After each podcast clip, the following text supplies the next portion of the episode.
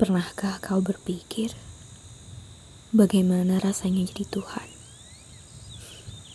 Tidak, aku sedang tidak mengajakmu berandai-andai kemudian melampaui batas dari apa yang keyakinanmu ajarkan. Ini hanya metafora, pertanyaan yang memang tak perlu jawabannya, tapi kurasa perlu kutuliskan di sini. Sebab menurutku, Manusia adalah makhluk paling kompleks yang hanya tak diberi mandat untuk menjaga ketertiban alam semesta, tapi juga untuk menjalani kehidupan sebaik-baiknya dengan segala macam bentuk perasaan yang sepertinya tak pernah berhenti menggerogoti manusia itu sendiri. Bagaimana ya rasanya jadi Tuhan? Dia yang melihat gerak-gerik kita setiap hari. Dia yang menjadi sutradara sekaligus penulis cerita yang terlihat seperti tak pernah ada episode akhirnya. Untuk hidup kita dan makhluk lainnya di muka bumi yang mungkin sebetulnya bagi kita tak berarti apa-apa. Dia, bak nakoda yang tak akan pernah berhenti berlayar, membawa kami dalam lautannya yang luas untuk mempelajari tentang laut, bumi, dan dasar-dasarnya, hingga cara survive di dalam kapal yang tak ada pintunya, sampai waktunya tepat untuk berlabuh. Tapi tentu Tuhan lebih agung dari apa yang bisa tergapai oleh nalar kita. Bagaimana ya rasanya jadi Tuhan? Menyaksikan makhluk-makhluk ciptaannya yang berakal dan berperasaan ini mengarungi hidup dengan cerita yang beragam. Dari hidup anak tak berdosa sampai hidup seseorang yang bejat dan kejinya tak masuk akal bagi pikiran kita.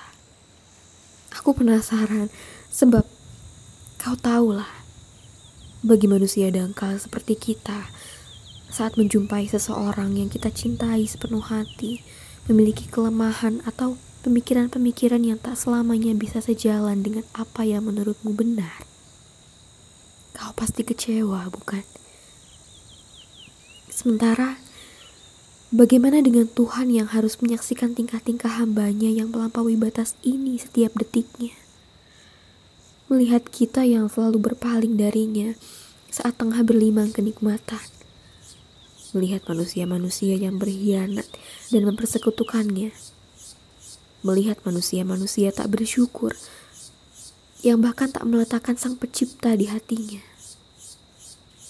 dalam kondisi-kondisi di mana manusia terlihat menjadi makhluk yang paling hina dan dibenci.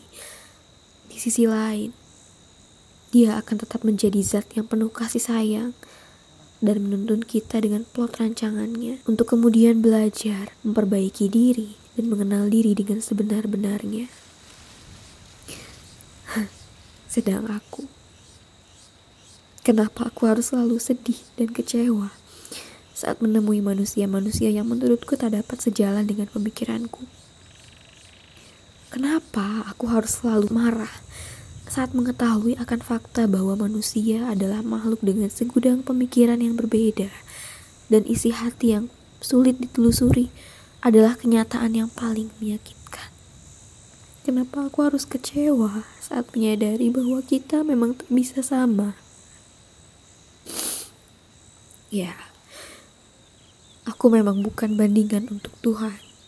Seperti yang ku bilang di awal, ini hanya metafora. Dan poinku bukan ingin disamakan dengan Tuhan. Justru itu. Kalau ku pikirkan, sudah berapa banyak seharusnya Tuhan kecewa dengan tingkah manusianya yang melampaui batas ini.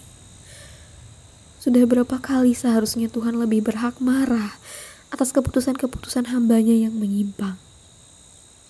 Namun dia tak pernah benar-benar lepas tangan atas kenakalan kita.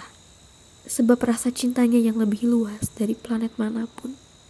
Sedang aku menemui satu atau dua sesama manusia saja yang kompleksnya bukan main, rasa sudah tak karuan. Mengaku cinta, sayang, tapi banyak kekurangan yang kadangkala tak bisa aku terima saat mengetahui kenyataannya. Apa aku berbuat demikian? Toh Tuhan saja maha memaafkan. Dia tak pernah lari sekalipun jika harus kembali menuntun hambanya untuk yang ke seratus ribu kalinya. Aku sadar itu, bahwa pada akhirnya masing-masing dari kita hanyalah persinggahan satu sama lain. Sebab kita sama-sama manusia yang tak akan bisa sempurna, selalu punya titik kelemahan, dan titik itu yang sering kali tak bisa kita terima, bukan hak kita untuk tak menerima, bukan hak kita untuk mengatur. Di sinilah aku melepas pemikiran-pemikiran idealisku tentang manusia yang hidupnya penuh persimpangan. Karena sudah bukan ranahku lagi untuk memaksakan ini. Maksudku, Aku bukan Tuhan yang bisa selalu mencintai dan menerima hambanya yang ingin kembali dalam kondisi apa pun. Ya, siapa aku? Karena aku tak pernah tahu dan tak akan bisa tahu rasanya jadi Tuhan.